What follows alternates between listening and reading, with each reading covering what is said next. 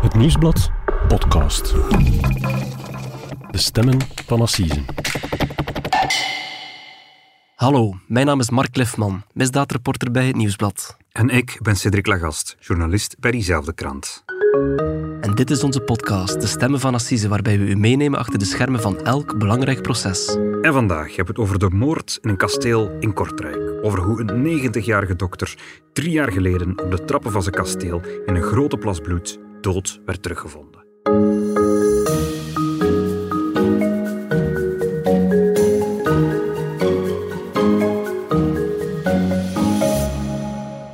Dag Mark. Dag Cedric. Mark, welkom terug in onze podcaststudio vandaag. Dank u. We hebben de afgelopen weken een aantal assiseprocessen gevolgd in, in Leuven, maar ook in Brussel eh, en in, in Antwerpen. Die processen zijn nu allemaal achter de rug. En we Mhm. beginnen eh, aan een nieuw proces, aan een nieuwe zaak. Een proces dat vandaag start in West-Vlaanderen. In Brugge. ik. Ja, Voilà. klopt. En het is al een tijdje geleden dat we daar nog eens eh, geweest zijn voor een zaak. Eh, ik denk dat we al Ik terug denk dat het in december was, de laatste keer. De wonderbonenmoord, denk ik, Zeer is de laatste zaak, zaak wel, die, ja. daar, die we daar gevolgd hebben. Je hebt dat proces gevolgd en ook, ook dit proces ga jij nu volgen, heb ik begrepen. Ja, sowieso. Dus het gaat om een absoluut geen alledaags verhaal. Het is, het is vooral ook de, de setting is niet alledaags. Want de feiten zijn gebeurd in een kasteel of een kasteeltje.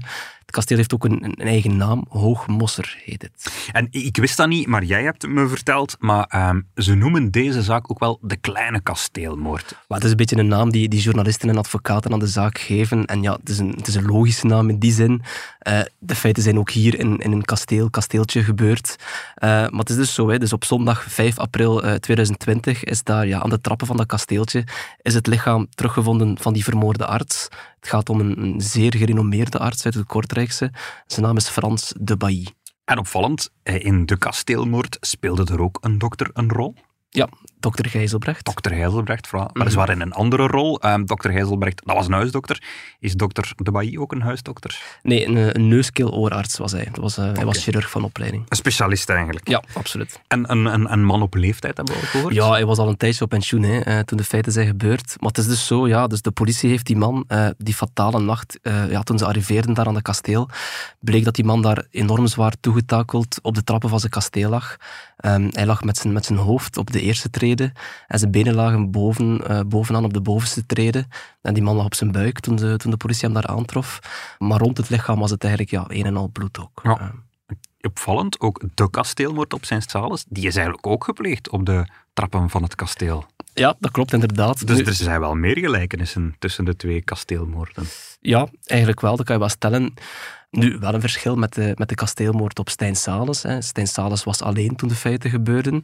Hier was dat niet het geval. Hier zat er een man naast het slachtoffer en die man was zeer emotioneel. In Kortrijk is vanmorgen het levenloze lichaam van een bejaarde arts teruggevonden. De man van 90 jaar, die vroeger chirurg was in het AZ Groeningen, is dood aangetroffen vlakbij het kasteeltje waar hij woonde. Het gaat om een verdacht overlijden, maar het parket wil voorlopig geen extra commentaar geven. Hoe de man om het leven is gekomen is dus nog onduidelijk. Mark, we hoorden hier een fragment van onze collega's van Focus WTV. Ja, zeer intrigerend begin, Mark. Een 90-jarige arts die dood op de trappen van zijn kasteel ligt. Ehm, laten we bij het begin beginnen. Wie is dokter De Bailly? Wel, Frans de Bailly, dat was een, een man van, van 90 jaar. Hij was een, een vader van vier volwassen kinderen.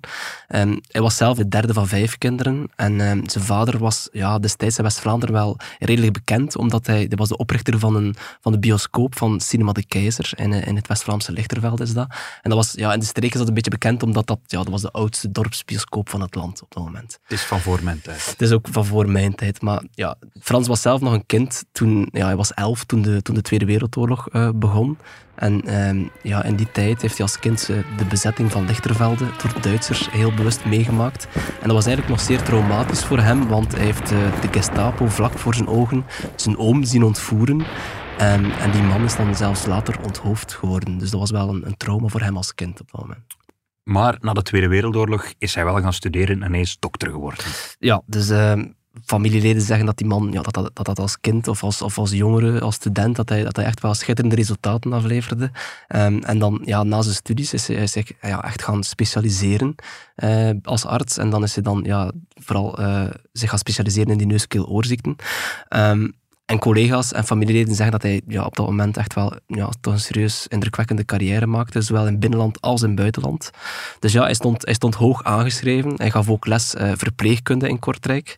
En hij was ook ja, onder meer beheerder van een, van een revalidatiecentrum. Dus hij had veel, eh, veel bezigheden. Dat zijn veel jobs voor één persoon, absoluut. Een drukke, drukke dokter. Maar nu was hij 90. Hij, ehm, hij was met pensioen, heb je al gezegd. Ja. Maar hij had nog familie. Ja, uiteraard. Dus, um, Frans de Bailly die wordt eigenlijk omschreven als iemand die er enorm voor zijn kinderen was. Um, en hij vond het ook zeer belangrijk dat zijn eigen kinderen ook een goede opleiding kregen. Hè. Hij wordt, wordt een beetje omschreven als een zeer trotse man. Maar ja, dus, ja op een gegeven moment, hè, hij wordt ouder en ouder. Zijn, zijn, zijn vrouw, zijn eerste echtgenote, die was er niet meer. Um, en dan, ja, zou je misschien denken dat ja, op, zijn leeftijd, 90 jaar, dat misschien geschikter zou zijn om in een, om in een serviceflat te gaan wonen. Maar ja, blijkbaar was dat voor hem niet het ideale. Niet ideale. Hij wou liever gewoon uh, blijven wonen in zijn kasteel. Ik kies ervoor om in zijn kasteel te blijven wonen, Mark. Maar in april 2020 wordt de dokter dood aangetroffen op de trappen van zijn kasteel. Ja, dus de, de hulpdiensten kregen die bewuste nacht, was om, het was om 2 uur 18 om precies te zijn, kregen zij een, een telefoontje binnen, een zeer verontrustend telefoontje van een man die, die, ja, die een beetje in paniek zegt van kijk, jullie moeten nu komen naar ons kasteel, uh, want ik ben zo net opgestaan en ik heb iemand dood aangetroffen aan de deur. En is het ook meteen duidelijk wie dat er precies belt? Wie dat er, uh... Ja, nee, voor de, voor de politie op dat moment niet. Dus ja, wat doen ze? Ze rijden zo snel mogelijk naar het kasteeltje. Ik denk dat ze daar ja, nog geen zeven minuten later waren. En, en onmiddellijk treffen ze daar aan die trappen dan het, het, ja, het levenloze lichaam van, van die bejaarde arts aan, van Frans de Bailly aan. Um, en ze zien links van hem dus ook nog een, nog een tweede man zitten. En wie is die man? Wel, de, de politie identificeert die man als Tom de Bailly. Dat is de, dat is de zoon van het slachtoffer, de zoon van de arts. Een van zijn vier kinderen. Ja, en, en blijkbaar dus ook wel de man die dan in paniek de, de hulpdiensten heeft verwittigd. Oké, okay, en we weten wat er dan gebeurt, hè, Mark. Op zo'n uh, op zo'n moment wordt de hele, het hele kasteel uh, bevroren. Er komen mannen naar buiten met lintjes die de hele crime scene, de hele plaats lijkt afsluiten. Het labo komen, komt ter plaatse, ja. Mensen in te pakken die, die, die sporenonderzoek doen, maar ze gaan ook die, die enige getuige, die man, ondervragen. De zoon die daar naast hem zit. Ja, en, en de speuter doet die eerste uren al heel wat ja, opmerkelijke vaststellingen in het kasteel. Want ja, er is het, er is het slachtoffer hè, dat ze eerst aantreffen. Er is de man, de zoon, die ernaast zit. Maar er blijkt ook nog een derde persoon aanwezig in het kasteel. En die persoon ja, identificeert zich als Sonja. Wie is Sonja precies? Maar Sonja die zegt dat zij de, de, de vriendin is van Tom, van de zoon van het slachtoffer. Oké. En, en ze worden meteen naar de politie dan ook. Maar ja, ze moeten natuurlijk, de politie moet, moet gaan uitzoeken van ja, hebben zij misschien iets met die feiten te maken. Hè? Dus zowel uh, Tom de Bailly als, als die Sonja, uh, die worden meteen naar het politiekantoor overgebracht. Gescheiden natuurlijk, hè, zodat, ze niet, ja, zodat ze niets kunnen verklaren tegen elkaar of als ze verklaringen kunnen aftoetsen op elkaar. Uh, maar op dat moment gebeurt binnen in het kasteel ook het echte onderzoek, het sporenonderzoek. Alles wordt binnenste buiten gekeerd. En natuurlijk kijken ze ook ja, dichter naar het slachtoffer. Hè, wat is hem precies overkomen? En al snel blijkt toch wel dat het slachtoffer enorm zwaar is toegetakeld. Hij heeft zware letsels, er is veel bloed te zien. Ook binnen in de woning, in het kasteel, worden verschillende bloedsporen aangetroffen. In de hal, maar ook in de, in de woonkamer. Dus voor alle duidelijkheid, het is geen ongeluk, het is geen accident. Niet op een gewone, het is geen een ongelukkig geval of zo. Nee, nee. nee. Het, is al, het is echt meteen duidelijk voor de speler van ja, hier is, hier is iets ernstigs gebeurd, hier is veel geweld gebruikt. En alles wijst er op dat moment op dat, ja, dat Frans de Bailly in de woonkamer al ja, eerste slagen heeft toegekregen. En, en dat zijn lichaam nadien is, is gesleept tot buiten, tot aan de trappen van het kasteel. you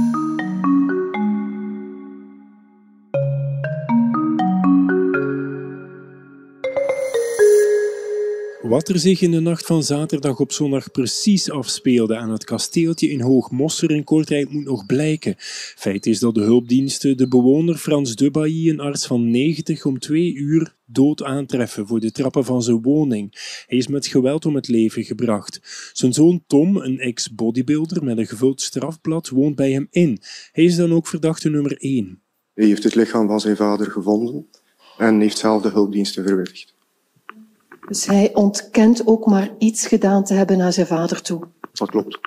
Voor zover ik dat kan inschatten, was die verhouding goed. Uh, mijn cliënt was eigenlijk de mantelzorger van zijn vader. En um, ja, ik keek voor alles wat nodig was voor hem in het huis, rond het huis, voerde hem rond en zo verder. Mark, we hier opnieuw een geluidsfragment uh, van Focus WTV uit 2020. Mm -hmm. uh, van een reportage die vlak na het drama uh, is gemaakt door hem. En opmerkelijk, ze benoemen hier uh, zo'n Tom de Bailly onmiddellijk als een, als een verdachte. Mm -hmm. Maar ook, ze zeggen eigenlijk dat hij um, ja, een, man was, een strafblad was. En de mantelzorger van zijn vader. Dat is een opmerkelijke combinatie, vind ik. Ja, en hij is natuurlijk al meteen verdacht, omdat ja, hij, wordt, ja, hij wordt aangetroffen naast het lichaam van het slachtoffer hè, als de politie daar arriveert. Maar uh, Tom de Bailly is, ja, zacht uitgedrukt, ook wel meer dan een zeg maar, opvallende verschijning. In die zin fysiek hè, al. Hij, was, ja, hij is een enorm brede kerel, ex-bodybuilder. Um, hij heeft nog zijn eigen fitnesszaak gehad. Hij is ook jarenlang portier geweest in het uh, Kortrijkse nachtleven. En daar stond hij echt wel al bekend als een berucht persoon. Um, en we zeiden het, hij was ook bodybuilder. Hij is Belgisch kampioen geweest. Hij is zelf nog in die eind jaren negentig hij nog wereldkampioen bodybuilder geweest. Wereldkampioen? Ja. Oké. Okay. Alright. Hij ging ook uh, al, al jaren door het leven met een bijnaam. Zijn bijnaam was Tom Spier. Uh, dat hoeft weinig verbeelding. Uh, maar goed, ja, je hoort het al in het fragment. Daar zegt de advocaat van Tom de Bailly duidelijk van kijk, de verhouding tussen mijn cliënt en zijn vader die was goed. Er waren geen problemen. Ja, meer nog, hij was zelf de mantelzorger van, van zijn vader. Dus, ja. dus dat wil zeggen dat hij thuis bleef om voor zijn vader te zorgen. Te zorgen, ja. Dat verklaart die advocaat toch. Nu goed, je moet wel weten, ik zei het al een beetje, Tom de Bailly is een persoon die die ook wel de randjes van de maatschappij opzocht. En het is een beetje raar dat hij zo ontspoord is, want op zich denk ik dat hij, dat hij wel een redelijk intelligente kerel is, maar ja, als, als student, als, als scholier eigenlijk meer, um, vond, hij, vond hij sporten en trainen duidelijk uh, interessanter dan, dan echt een vak leren of te gaan studeren zoals zijn vader, uh, om arts te worden. Waarin hij zelf ook wel toegeeft van kijk, ja, ik ben doorheen die jaren wel een beetje op de dool geraakt en in die jaren heeft hij ook wel een, ja, een serieus strafblad uh, gekregen. Oké, okay, en wa waarvoor stond hij dan bij de politie bekend? Wat stond er op dat strafblad? Wel ja, dus ik zei het al, hè, in het Kortrijkse uitgaansleven kende bijna iedereen hem niet op de beste manier. Dus hij werd veroordeeld voor verschillende feiten, voor, voor slagen en verwondingen, want hij heeft ooit een keer een man in, in coma geslagen. Uh, maar hij liep ook veroordelingen op voor bezit en gebruik van hormonen. Hij heeft ook uh, mensen belaagd, hij heeft uh, mensen, mensen bedreigd, hij heeft ook diefstallen gepleegd. Dus ja, hij heeft, heeft ja, echt wel een voor strafblad opgelopen. Ik, ik, ik, blijf dat toch een apart beeld vinden. Die, die 90-jarige, hoogbejaarde, gerespecteerde dokter die in zijn kasteel woont, samen met zijn bodybuilderzoon, die ook nog eens zijn mantelzorger is. Ja, en hij ziet er ook helemaal anders uit dan zijn vader. Tom Spier die heeft een zeer opvallende tatoeage in zijn gezicht. Oké. Okay, dus aan, de, aan de linkerkant van zijn oog uh, heeft hij ja, een soort tribal getatoeëerd. Ik ben niet helemaal thuis in het genre. Mm -hmm. Maar het is zo'n tatoeage dat enorm lijkt op dat van Mike Tyson, de wereldbekende bokser. Oké, en hij was dus de mantelzorger van zijn vader. En hij, hij zorgde eigenlijk. Was dat dan nodig? Of? Het was inderdaad zo dus dat, uh, dat Frans de Bailly de laatste jaren wat, wat achteruit was gegaan, hè, geestelijk en fysisch. En, en zoon Tom die heeft dan na zijn arrestatie verteld dat hij al ja, een jaar of drie voor zijn vader zorgde in het kasteel. Dat hij hem eten en drinken gaf. Dat hij, dat hij ook instond voor het onderhoud van de tuin en voor de woning zorgde. En over de bewuste avond zelf zegt hij van kijk, ja, wij waren s'avonds gewoon uh, naar een film beginnen kijken in, in, in de woonkamer. En daarna ben ik gaan slapen. En dan rond een uur of twee s'nachts ja, werd ik even wakker en ik ging kijken waar mijn vader was, tot ik hem daar aantrof op de trappen en hij bleek dood. Maar ik heb zelf geen idee wat er met hem gebeurd is.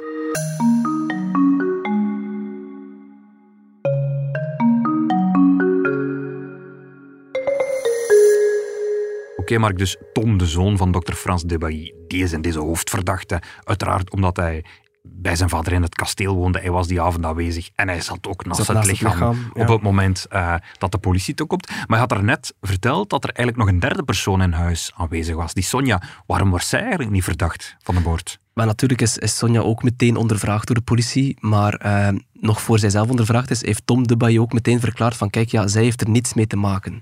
Nu goed, zij heeft dat ook zelf, Sonja heeft dat zelf ook herhaald aan de speler van ja, ik heb er niks mee te maken. Ze zegt van kijk, ik... Uh, ik, uh, ik lag te slapen op dat moment, gewoon in de, in de kamer, in de slaapkamer. En plots, midden in de nacht, riep Tom de Bailly me wakker en hij zei van, kijk, ja, mijn vader is dood. En, en wie is die Sonja? Is Wel, die Sonja is de, is de vriendin van, uh, van Tom de Bailly.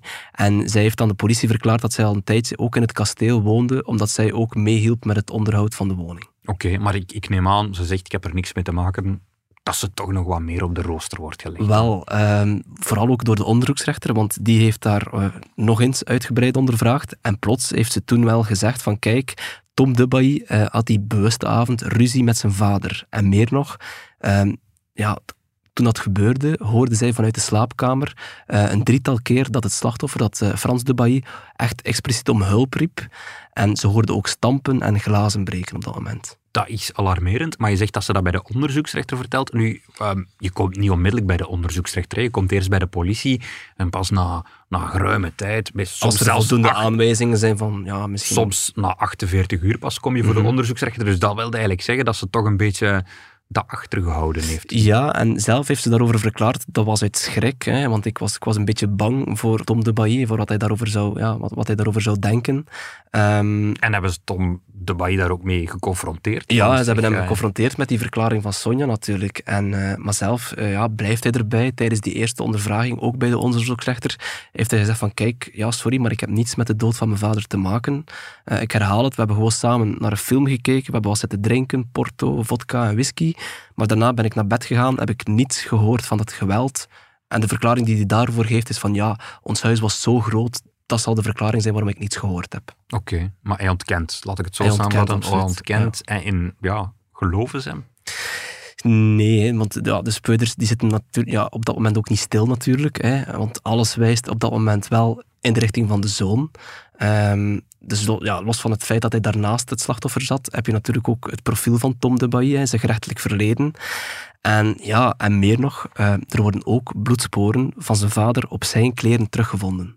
Hij wordt natuurlijk helemaal ja, uitgekleed en die kleren worden onderzocht en daar zitten duidelijke bloedsporen op van zijn vader. Dus ja, dat zijn allemaal verdachte zaken die, ja, die vooral in zijn richting wijzen. Mm en daarnaast heb je ook uh, enkele dagen na de feiten zijn er ja, ook de omgeving wordt natuurlijk ondervraagd van Tom de Bailly, ook de andere familieleden, ook de drie zussen. En een van de drie zussen uh, van Tom de Bailly, die heeft meteen ja, ook wel een zeer belastende verklaring over haar broer afgelegd bij de Wat politie. dan? Wel, die, een van die zussen heeft meteen duidelijk gemaakt aan de politie van kijk, eigenlijk wist ik, ja, wisten wij al dat het ooit wel een keer slecht zou aflopen. Um, want het was zo, um, Tom de Bailly die heeft ja, ooit nog in de gevangenis gezeten. Hè. We zeiden dat hij is meermaals veroordeeld geweest. Heeft maar voor heeft hij in de gevangenis gezeten? Ja, ik denk voor die, voor die slagen en verwondingen, een van die dossiers. Mhm. En toen hij vrijgelaten werd, is hij dan een drietal jaar voor de feiten in het kasteeltje is hij ingetrokken bij zijn vader. En dat was, dat was zeer tegen de zin van de zussen. Um, dat leidde zelf tot een, tot een familiebreuk. Omdat ze daar geen vertrouwen in hadden? Of ja, vooral omdat de zussen hadden zoiets van, papa, pas daarmee op, want ay, dat gaat hier fout aflopen Zelfs een van die zussen heeft letterlijk gezegd, hij gaat u ooit de kop inslaan. Blijkbaar, die, die papa was zeer vergevingsgezind en die wilde eigenlijk niets liever dan dat de zussen terug goed overeen zouden komen met hun broer. Maar bon, uh, ja, die zussen die zagen dat niet zitten en die wisten dat, uh, dat Tom zeer agressief kon worden. Dus op het moment dat de dokter dood wordt aangetroffen op zijn kasteel, dan hebben zij denk ik ook maar één verdachte op het oog.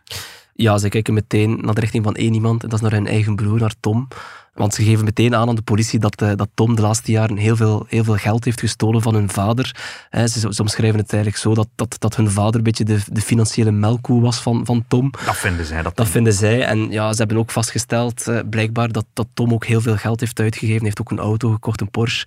Nu, ja, het zijn allemaal zaken die, die in zijn richting doen wijzen volgens hem. Maar ik, ik vind van niet. Ik vind eigenlijk dat het tegenspreekt. Want als, als hij profiteert van het geld van zijn vader, dan is het eigenlijk niet in zijn belang om zijn vader te vermoorden. Ja, en dat... Want dan droogt de geldbron op. Ja, en dat heeft Tom de Bailly eigenlijk tijdens zijn ondervraging ook letterlijk verklaard. Van ja, waarom zou ik mijn vader vermoorden? Want ja, dan erf ik toch niks. Maar ja, natuurlijk, er zijn heel veel mensen ondervraagd. En heel veel mensen hebben vastgesteld die laatste tijd, die laatste weken, dat, dat Tom ja, steeds agressiever werd. En dat was vooral ook omdat uh, veel mensen hadden vastgesteld dat hij de laatste tijd veel meer begon te drinken, veel sterke drank begon te drinken. En ja, hij, was, ja, hij werd steeds agressiever, hij zorgde niet meer goed voor zijn vader. Um, hij liep dronken over straat. Ook vader Frans die zag er steeds onverzorgder uit. Hij was um, geen goede mantelzorger. Nee, absoluut niet, volgens getuigen. En ja, ik zeg het, veel mensen noemden hem zeer agressief. Zo zou er ook sprake zijn van oudermishandeling. Dus dat zijn eigenlijk heel veel ja, belastende getuigenissen, zal ik maar zeggen, eigenlijk over de relatie tussen, tussen vader en zoon. Er is sprake van oudermishandeling, van geweld. Ja, daarnaast, we, wisten dat, we weten dat hij in het huis aanwezig was. Er, waren ook, er was ook bloed op zijn kleren van zijn vader gevonden, ja, denk ik. absoluut. Dat zijn toch wel heel veel aanwijzingen uh, in zijn richting. In zijn richting. Absoluut. Ja, en ik denk dat hij dat op een gegeven moment ook zelf wel doorhad. Uh, want uh, in september 2020, dat was een vijftal maanden na de moord, zegt hij aan de politie van kijk, ik wilde een nieuwe verklaring afleggen. Ook wel opvallend. Op dat moment heeft hij ook een, een nieuwe advocaat, Chris Mhm. Vinke. Dus ik weet niet of het al dan niet onder impuls van die nieuwe advocaat is. Maar hij zegt aan de politie, kijk, ik wil toch een aantal zaken rechtzetten. Hij wil bekennen, vermoed ik. Ja, deels. In die zin, eh, hij start de ondervraging en hij stelt van, kijk, ja, ik, sorry dat ik het nu pas vertel, eh, want ja, ik voelde veel schaamte en angst en, en schuldgevoel. Maar hij zegt van, kijk, nee, ik ben die avond niet gaan slapen. Er is ruzie geweest met mijn vader. En het was, het had allemaal te maken met het feit dat mijn vader, die, die gooide met het tv-bakje naar zijn hond. En dan zegt hij van, kijk, ja, toen is mijn plong gesprongen, zoals in het West-Vlaams zijn. Hè. Hij was daar kwaad over. Hij was daar kwaad op dat de vader blijkbaar ja, de hond eh, mishandelde. En dan, is hij, ja, dan zegt hij van kijk, op dat moment heb ik een, mijn vader, eh, ben ik rechtgestaan en heb ik mijn vader een vuistslag gegeven. Maar, zo zegt hij, daarna weet ik niets meer. Dus ik heb een complete blackout wat er daarna gebeurd is. Is iets dat we heel vaak hier zien. Ik denk dat er geen enkele moord in Vlaanderen gepleegd wordt zonder dat de dader zich plots niks meer kan herinneren. Of toch, Ja, dat is, heel veel. Dat is een, Maar het is uiteindelijk wel zijn finale verklaring. Hij zegt van, kijk, ja, ik, ja, ik weet nog, ik heb me kwaad gemaakt. Ik heb, eh, ik heb mijn vader geslagen. Maar wat er daarna gebeurd is, ik weet het niet. Ik heb een blackout. Maar ja, feit is natuurlijk, het lichaam werd wel buiten aangetroffen aan de trappen. Dus het lichaam moet daar naartoe gesleept en hij zijn. kan zich niet herinneren dat hij dat lichaam naar buiten heeft maar dat gesleept. herinnert zij zich allemaal niet meer. Nee, oké. Zegt net een nieuwe advocaat, Chris Vinke. Dat doet me terug naar de grote kasteelmoord denken. Ergens Want wel. Chris Vinke, die was daar ook advocaat in. Die was ook, werd ook plots de nieuwe advocaat eh, van een van de beklaagden, van Pierre, Van Pierre Serie. En toen gebeurde net hetzelfde. Toen Ja, begon de beklaagde ook ah, plots te bekennen. Ja, Pierre Serie had eigenlijk jarenlang gezwegen, eh, al dan niet op aanraden van zijn eerste advocaat. En dan plots kwam eh, Chris Vink in de zaak en toen legde hij toch bekentenissen af dat hij een opdracht had gekregen van eh, dokter eh, Gijzelbrecht om uitvoerders te zoeken voor de, voor de moord op Ik begin meer en meer te begrijpen waarom we dit de kleine kasteelmoord gaan noemen.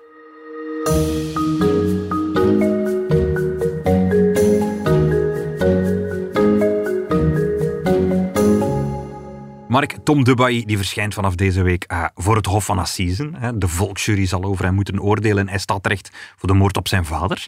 Ehm, hij heeft een beetje bekentenissen afgelegd. Eh, kunnen we misschien zeggen, maar niet alles. Nee, en en strikt juridisch gezien wordt hij, wordt hij in deze zaak beschuldigd van doodslag. In het jargon heet dat dan het opzettelijk doden met het oogmerk om te doden. Dat is wel iets wat, wat we wel vaker bespreken in onze Geen podcast.